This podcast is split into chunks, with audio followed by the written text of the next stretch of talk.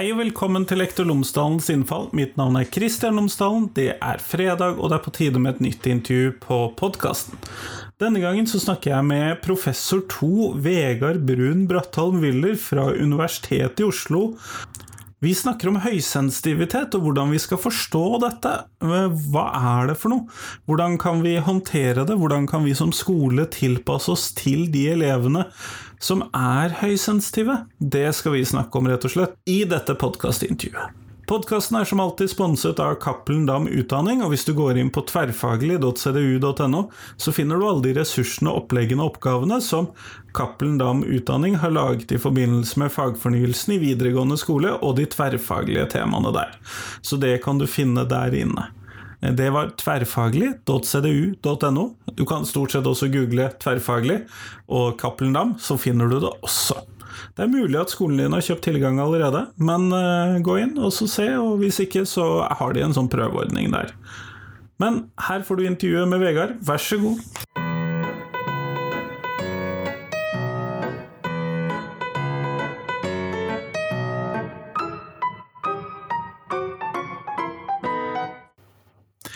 Vegard Brattom Willer, tusen takk for at du har tatt deg tid til meg i dag. Takk for å få være med. Før vi starter selve intervjuet, så hadde jeg håpet at du kunne fortelle lytterne mine tre ting om deg selv, sånn at de kan få bli litt bedre kjent med deg. Ja, eh, jeg er eh, professor i barnemedisin ved Universitetet i Oslo og forskningsleder på barneklinikken, eh, eller barne- og ungdomsklinikken på Akershus universitetssykehus. Så har jeg jobbet med særlig ungdom med kronisk utmattelsessyndrom, ME, i snart to tiår. Jeg har også jobbet en del med, med barn og unge med medfødt hjertefeil.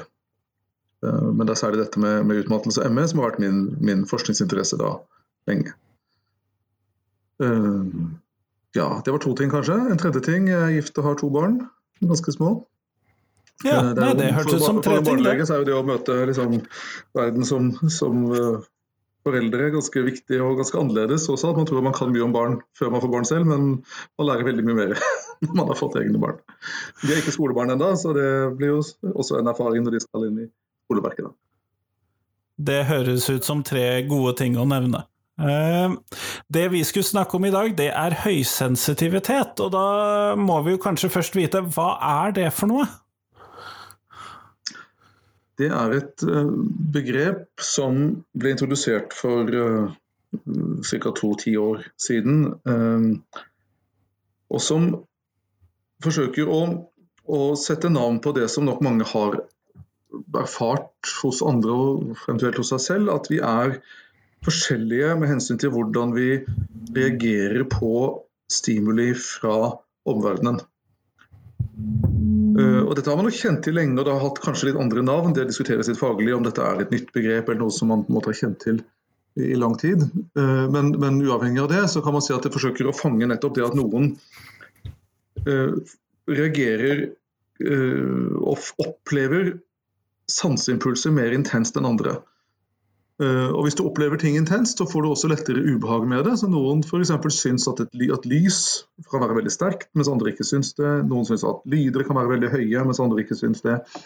Noen syns at sosiale, store sosiale settinger kan være mer slitsomme, mer, mer si, inntrykk som når bevisstheten, enn det er hos andre. da. Så, så man, bruker man dette begrepet for å si noe om at vi er litt forskjellige hvordan vi Eh, hvordan hjernen egentlig eh, arbeider med å håndtere disse impulsene fra omgivelsene. Nettopp, nettopp. Så, så at, vi en, at, vi er på en måte en, en, en spredning da, i dette. Noen blir veldig lett uh, overveldet av impulser, uh, og det skal liksom lite til. Andre her kan det være helt andre enden, og de kan liksom være utsatt for masse stimuli, masse trøkk. Uh, men det går liksom ikke inn da, på samme måte. Dette har nok noe med uh, genetikk å gjøre, tror man. Uh, så at vi er litt forskjellige skal vi si, skrudd sammen genetisk. Og at det har mest med å gjøre hvordan hjernen bearbeider sanseinntrykk.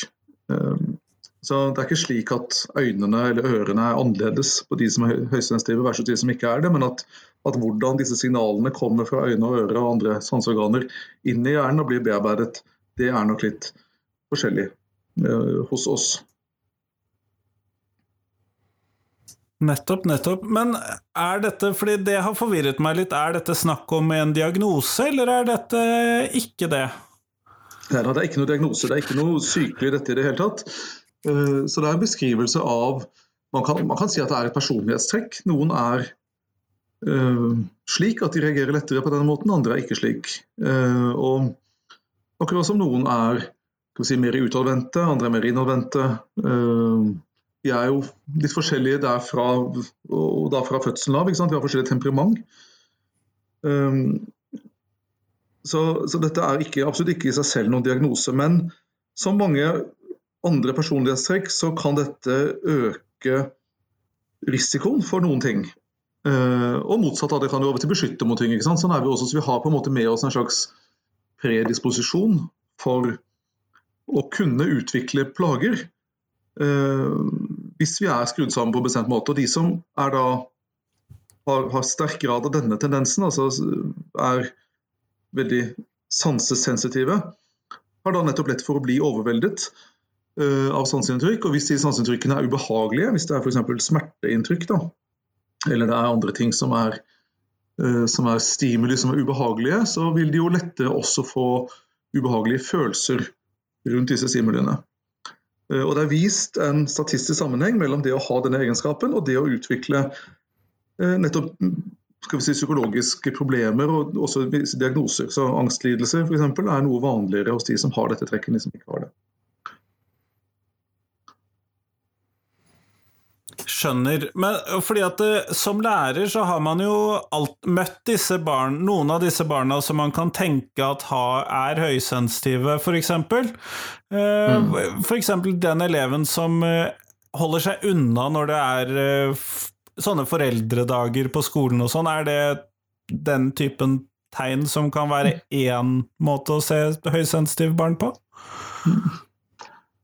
Ja, jeg vet ikke, for det er Eh, det er klart det Å holde seg unna, som du beskriver der, det kan jo ha andre årsaker også. Det kan være barn som er sjenerte, eller uh, barn som har uh, lært en bestemt type måte å være på. Det, det, når vi snakker om det høysensitivitet i medisinsk og vitenskapelig forstand, så er det jo nettopp som et, et stor grad et medfødt trekk.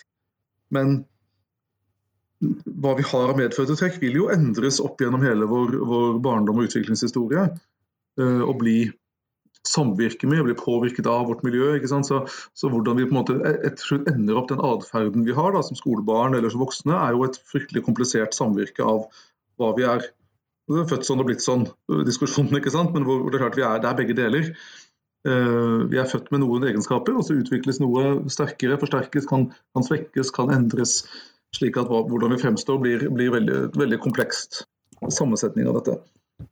Det er ikke så nødvendigvis så lett ut ifra sånne ytre karakteristika å si at dette er et høysensitivt barn. altså Det kan fort bli litt sånn, en sånn merkelapp som blir litt lettvint. Og, og, det brukes nok også begrepet veldig annerledes. eller Det har jo, det har jo fått en slags anvendelse i mer uh, skal vi si populærform, eller det, det brukes i, liksom i noen grad. og det der er nok innholdet ganske annerledes enn sånn det brukes vitenskapelig. Uh, og Det kan fort bli en litt sånn, en sånn merkelapp som man setter på noen, eller som man bruker litt, litt, kjapt, uten kanskje å ha det samme innholdet i det da, som man vil si ligger i det fra faglig side. Men, men at, at, man, når det er sagt, at det klart det er som lærer, så er det klart at disse man, Det er jo ikke, det er ikke et uvanlig trekk, dette. Det er en, nok noe som, som i hvert fall kanskje 20% av barn har relativt mm, fremtredende. Sånn, øh, og, og, at det betyr at de barna helt sikkert finnes der, og at man kan nok tenke at et barn som, som i hvert fall um, virker som det fort får problemer hvis det blir veldig bråkete. Eksempel, altså de litt stille, stille, barna som ikke liker at det er for mye uro, kaos. Uh, som, som, på en måte ikke, ikke er de som liksom hiver seg uh, ja, hiver seg frempå kanskje noe litt annet igjen. Men, men, men at, de, at, man kunne sikkert få mistanke om det som lærer, da, at her er det noen litt sånn barn som, som preges kraftigere av inntrykk. Um, ser man en film for eksempel, med en skoleklasse, klart at noen vil jo sikkert uh, fortere bli følelsesmessig beveget av ting. Uh, ta ting mer inn over seg, huske mer detaljer. Liksom, de blir fort overveldet av et sånt litt kraftig stimulerende som en film er. Uh, mens andre ikke er sånn i det hele tatt. Det liksom virker sånn det preller av litt. Det vet jeg er gjenkjennbart for mange lærere. og klart igjen, Det kan være mange årsaker til det, men at, at noen kanskje da ville passe inn i denne gruppen av, av det vi kan kalle høysensitive barn, eller barn med, med dette, den egenskapen. Uh, og du har jo trukket fram særlig dette her med bråk og støy og sosialt mm. samvær, har du jo trukket fram, og det er jo kanskje det som fort blir det mest relevante i en skolesammenheng. Mm. Eh, men du nevnte også lukt eh, kunne være en sånn ting som kunne slå ut da for denne gruppen. Eh, hva tenker du om det inn i en sånn skolesammenheng? Lukt? Nei, jeg vet ikke om jeg tenker så mye innad, uh, akkurat om det. Det, det. det, gjelder jo da for alle typer sanseimpulser? De som har den egenskapen. Så, så lukt, smak, uh, lydimpulser, lysimpulser, uh, kroppslige Altså noen, noen reagerer da fortere med opplevelse av smerte ikke sant? hvis de blir Uh, det er klart det er også en del av skolehverdagen å, å få litt sånn dulte til eller slå seg eller hva det er. ikke sant? Og noen også kanskje kan oppleve det vondere enn andre.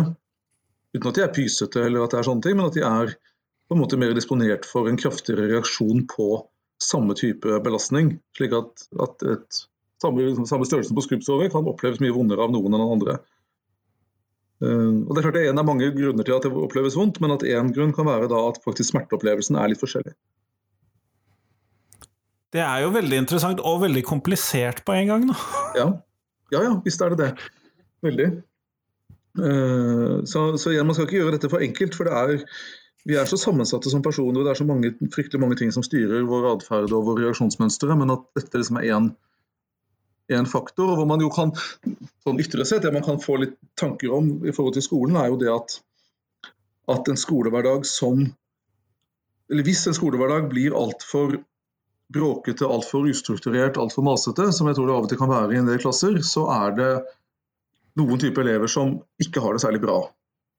Og at denne gruppen av de høysensitive kunne være blant den typen elever, helt sikkert andre også, men at, at det er liksom en kostnad for noen hvis, hvis uh, det blir for intenst, hvis det blir for, for, lite struktur.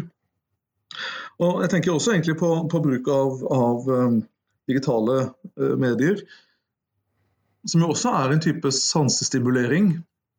Eh, hvor man kan også se for seg at denne gruppen her kanskje tåler mindre, eller ville ha, ha, ha godt av at ikke det var for mye. Jeg tror det er mange grunner også til å begrense det, men at dette også er en, et argument for at noen um, blir lettere overveldet. Det er liksom skal liksom lite til av, av Det er jo sterke stimuli. ikke sant? Vi, vi, en del sånne digitale ting er, virker kraftig på oss, og at det treffer noen mer enn andre. Eh, og at det kan være grunn til av den grunn å være varsom, varsom med det. Nettopp, nettopp. Men, og nå begynner du å komme inn på det som var mitt andre sånn hovedspørsmål, og det handler jo om dette med tilrettelegging for denne gruppen. Mm. De som har denne egenskapen, de som da reagerer eh, raskere på en del stimuli, eller mer, eller hva vi nå skal bruke av ord her. Eh, hva tenker du er viktig for meg som klasseleder eller meg som eh, lærer da å huske på når jeg da skal eh, gjøre skolehverdagen best mulig også for disse elevene?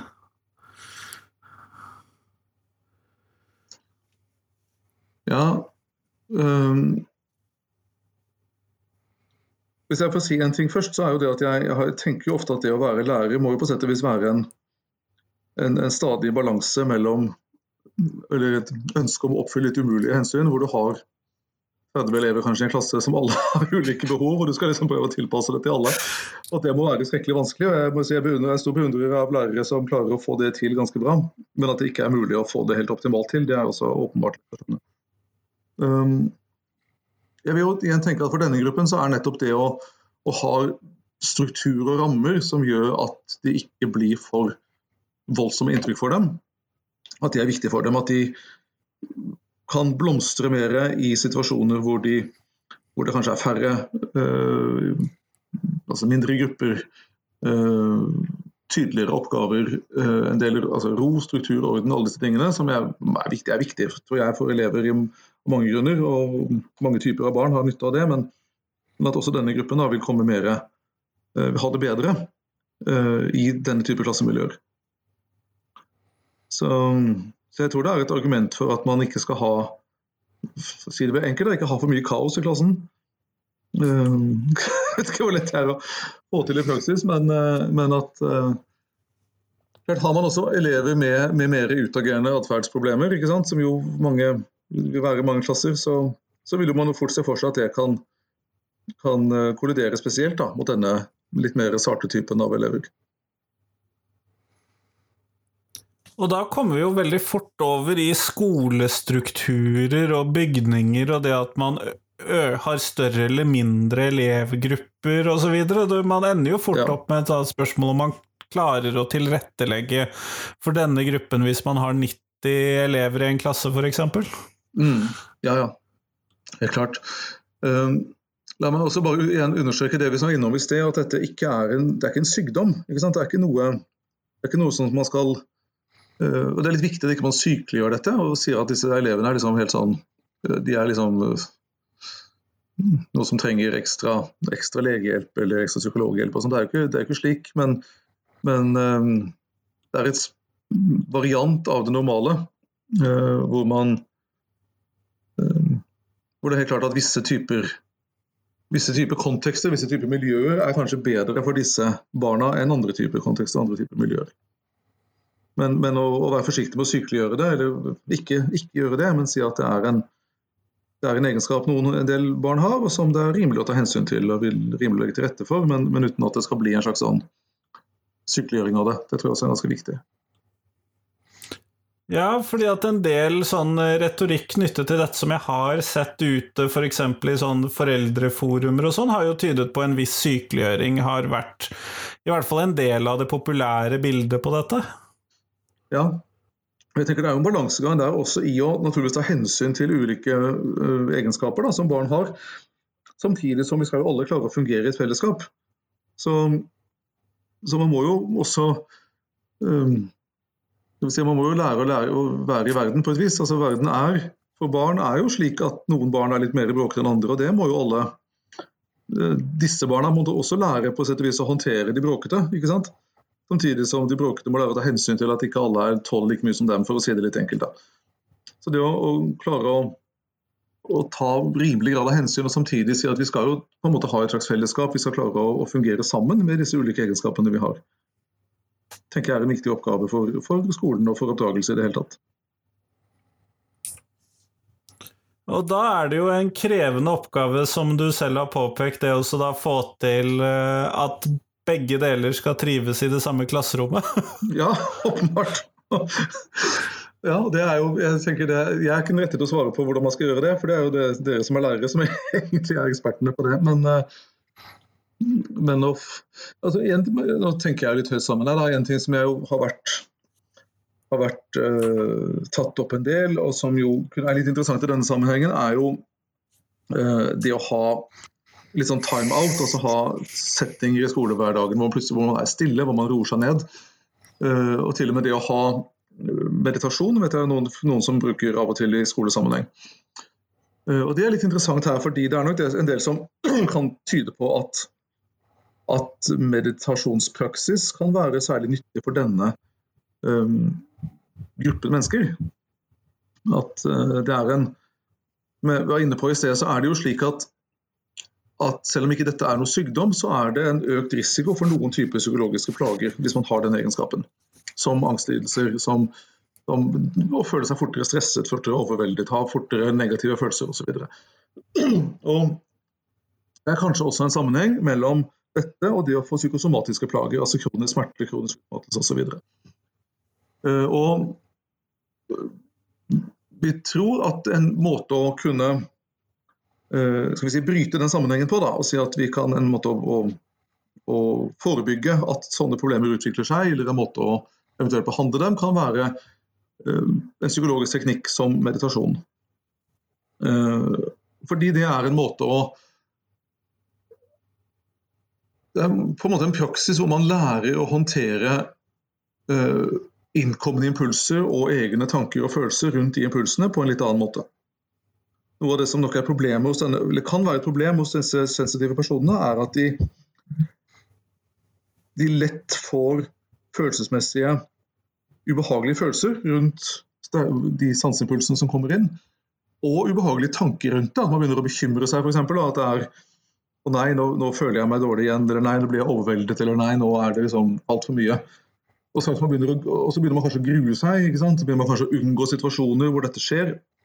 Og, da er man fort inne i en litt sånn negativ spiral. Så kan man klare å bryte litt det mønsteret av sekundære ting, som ofte er knyttet til automatiske tanker og automatiske eh, reaksjoner på den egenskapen man har. Eh, så er det kanskje en fordel for dem. Og meditasjon kan være en praksis som, som nok kan bidra til det. Og dette er ikke, jeg sier ikke nå at alle, bør, alle barn bør lære å meditere, eller sånt, men, men, men, det er jo interessant at det for veldig mange mennesker har vist seg at meditasjon er, kan være nyttig, enten du har et, et si, psykologisk eh, plage, eller du bare er helt velfungerende, men likevel kan, kan av og til føle seg litt stresset av og til, eller sånn, så kan meditasjon for mange være veldig virksomt og veldig en, en fin ting. Så... Rett og slett bare da fordi at man lærer seg å Eller får roet ned tankeprosessen og roet ned inntrykkene, da? Ja, du lærer deg på en måte, i hvert fall i denne meditasjonsteknikkene som jeg tenker på her, så lærer man seg på en måte å, å frikoble seg litt. Altså du, du lærer at Eller det er en, må, en øvelse som gjør at impulser utenifra og tanker og følelser du får rundt de impulsene, kan på en måte bare få lov å komme og gå litt uten at du trenger å henge deg opp i dem, for å si det litt, litt enkelt. Uh, så noen beskriver dette som om, om du liksom ser på som skyer på himmelen, at det, liksom, det kommer, et, kommer, en smerte eller det kommer en tanke eller det kommer et eller annet inn, og så passerer det vekk igjen. Så forsvinner det. Uh, og at man kan ha en teknikk for å la uh, ikke bli opphengt, er kanskje et godt ord i dette. Mens, mens, det som fort skjer, nettopp hvis du har mye litt ubehagelige F.eks. En, en smerte da, som ligger der, så vil du jo naturligvis fort begynne å tenke hele tiden på den smerten. og Du vil fort tenke og bekymre deg for at den skal bli sterkere, og hva den kommer av, og hva du kan gjøre for å unngå det. og, og Kanskje det kommer i morgen, og kanskje det betyr at jeg ikke får gjort sånn og sånn. Det er en veldig uh, alminnelig måte vi alle har uh, reagerer på, men som ofte bidrar til å vedlikeholde problemet. Så meditasjon er på sett og vis en slags frikoblingsteknikk slik at disse litt sterke impulsene som disse har, da, disse sensitive, kan få lov å, å, komme. da. Det er ikke farlig. De kommer der, og de er litt sånn. og det, Så er det ikke alltid sånn, og ikke, vi trenger ikke bekymre oss så mye for det. Nå, nå sier jeg det veldig enkelt, men, men, det er på en måte noe av, av kjernen i den tanken. da. Og det er vist at det for mange, i mange situasjoner er, er nyttig. Du trakk fram dette med å være i små grupper også. Ja, Unnskyld, avbryter deg. Hva sa du? Eh, du snakket om dette med å være i mindre grupper også i stad. Eh, kunne det også ha at noen av disse eh, elever som da hadde denne egenskapen, i større grad fikk lov til å gå på grupperom f.eks. og jobbe sammen med noen andre i mindre grupper, vil det da kunne bidra til en bedre skoletilværelse, tenker du? Ja, det vil jeg tenke, umiddelbart tenke at det vil, vil, fort gjøre at mengden av inntrykk blir litt mindre. Og at man blir litt mindre uh, lett overveldet av alt som Det er jo mye, I et klasserom så er det jo fryktelig mye som skjer samtidig. ikke sant? Og Hvis ikke alle sitter helt musestille og gjør gjør matteoppgaven sin, det har jeg opplevd at de ikke gjør. Ikke det, så vil jo naturligvis at du får fryktelig mange inntrykk. og at disse sensitive legger da fortere merke til alt som skjer. ikke sant? De er liksom, det er som å ha på en måte alle følerne ute hele tiden. Og, og at det er klart Bare du reduserer antall mennesker eller antall elever i et rom, så vil det jo være litt mindre som foregår. da.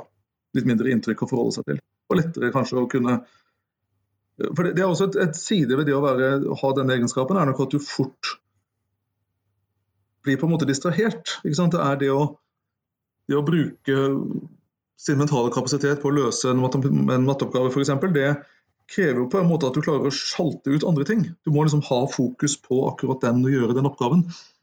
Uh, og straks du liksom blir vekket av noe annet, av en lyd eller et eller annet et eller annet som skjer i rommet rundt deg, noe som kommer, hva det nå er, så blir det på en måte litt tatt ut fra det å fokusere og konsentrere deg om det du skal gjøre.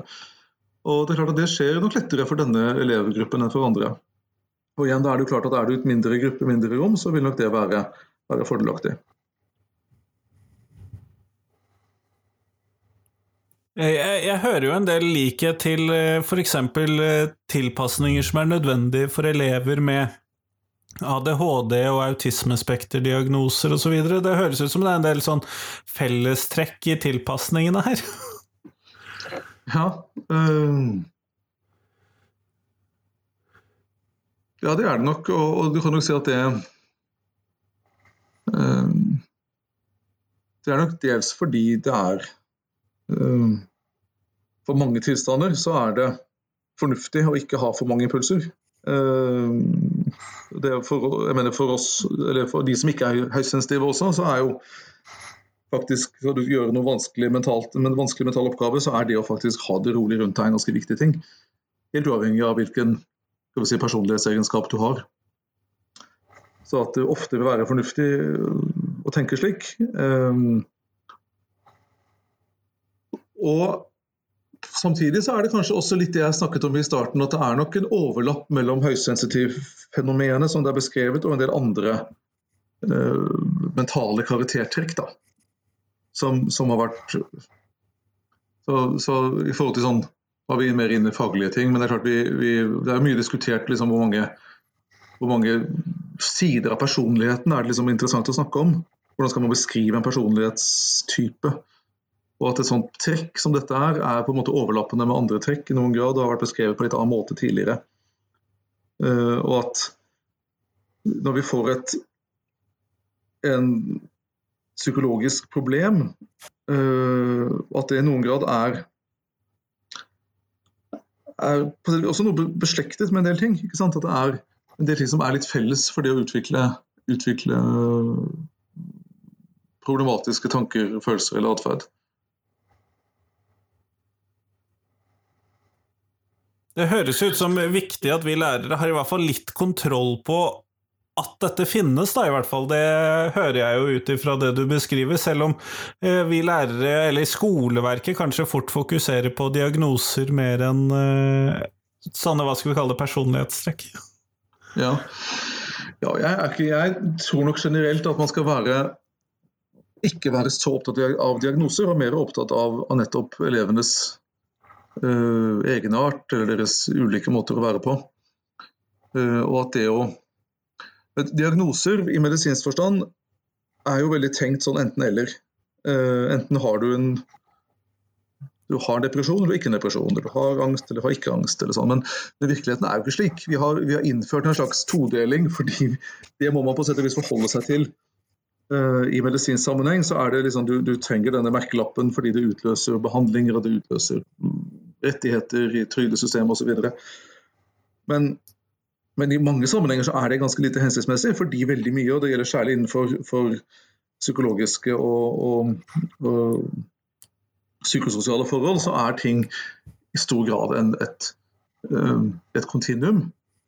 Um, hvis det gjelder f.eks. kronisk smerte, så er det jo det er klart vi kan ha smerte alt fra litt ubehag til voldsomt ubehag. Men det er ikke noe sånn plutselig at liksom du går fra å ha en normal smerteopplevelse til å ha en sykelig.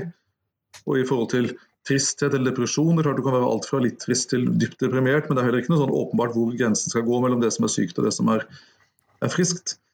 Um, så jeg vil nok sterkt ønske at ikke man var så veldig, i hvert fall i skoleverket, og jeg tror de hadde vært bra i helsevesenet også, men, men, i hvert fall i skoleverket, at man ikke var så opptatt av akkurat en sånn diagnostisk merkelapp, men heller prøver å si at de er de elevene som er triste, de må man prøve å hjelpe da, til å ha et uh, mindre trist tilværelse. Og de som er engstelige, helt uavhengig om de fyller kriteriene for angstlidelse, uh, de må prøve å hjelpe til å ha det bedre på sitt vis. Og de som er sensitive, får man hjelpe så godt man kan. Uh, en diagnostisk merkelapp innenfor dette er i stor grad bare en, en pragmatisk beslutning. Det er noen som har sagt at at man har liksom bestemt seg for at hvis du oppfyller de og de kriteriene eller de og de scorene på en sånn spørreskjema f.eks., da så har du en depresjon. De, de egenskapene i tillegg. Men, men, det er jo en ren pragmatisk vedtak. Det er ikke noe i biologien eller i, liksom, i, i, eller i psykologien som sier at det er akkurat der skillet skal være. Så det er mye viktigere tror jeg, å se på hvordan er det hvordan kan man hjelpe den enkelte eleven da, på best mulig måte, helt uavhengig av om man tilfredsstiller en slik medisinsk merkelapp eller ikke. Nettopp. Vi går mot slutten av podkastintervjuet, Vegard, og da har jeg det siste spørsmålet mitt, som jeg stiller til alle de jeg intervjuer for tiden. Og det er hva er de tre viktigste tingene som skolen lærer elevene? Og da lurer jeg på din take på det spørsmålet. De tre viktigste tingene, du. Det var, eh, det var utfordrende, eh, et utfordrende spørsmål. Og jeg vil si det avhenger jo veldig av hvilken Uh, også hvilken skoletrinn du snakker om. Uh, men tenker du her hele liksom, 12-årig eller 13-årig skoleløpet? Yes, det gjør jeg. ja. ja. jeg liker jo den gammeldagse formuleringen å bli gangs menneske i heim, gangs menneske i heim og samfunn. er det ikke det man het i gamle dager? Jo, du er ikke den uh, første som trekker det fram, for å si det sånn. nei, det er, så, nei, det er jo noe med å lære man kan også trekke fram klassiske dannelsesidealer. ikke sant? Du lærer noe uh,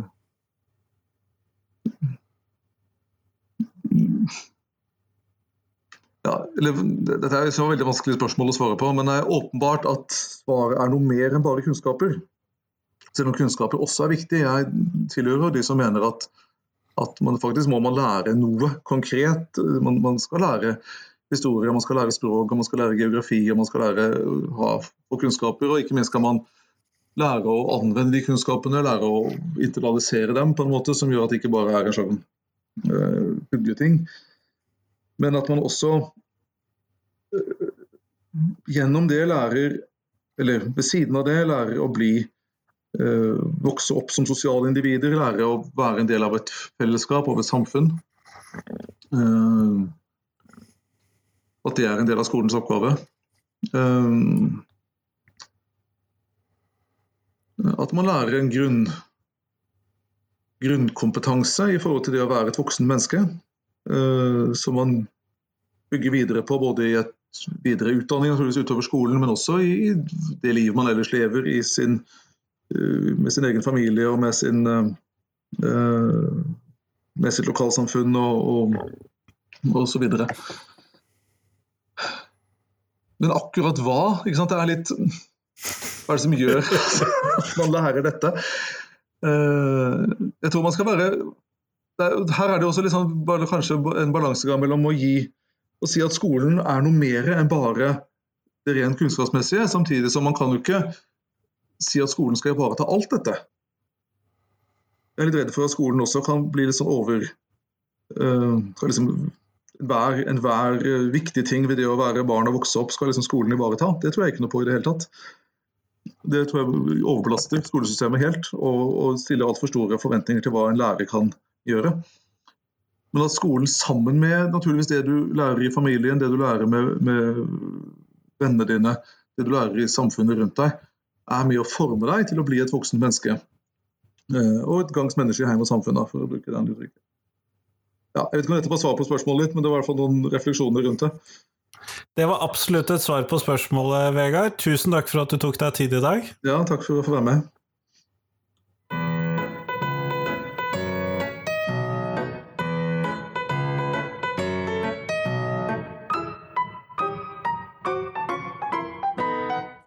Tusen takk til Vegard, og tusen takk til deg som hørte på. Nå er det en liten helg, så kommer det en ny episode på tirsdag.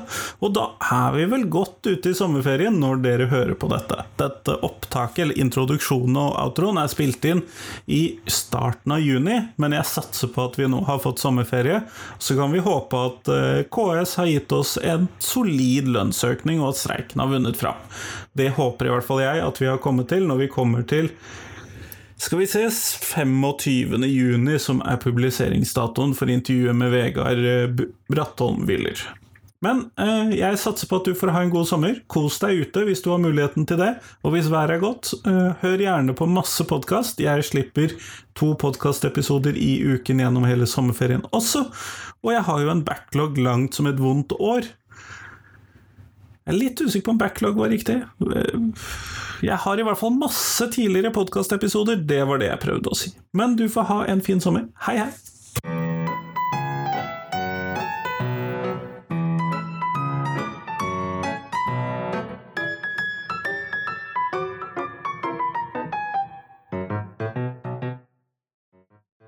Husk at du kan gå inn på Instagram for å finne bilder av eh, Lektor Lomsdalens innfall. Så kan du se litt hva jeg driver med der. Thank you.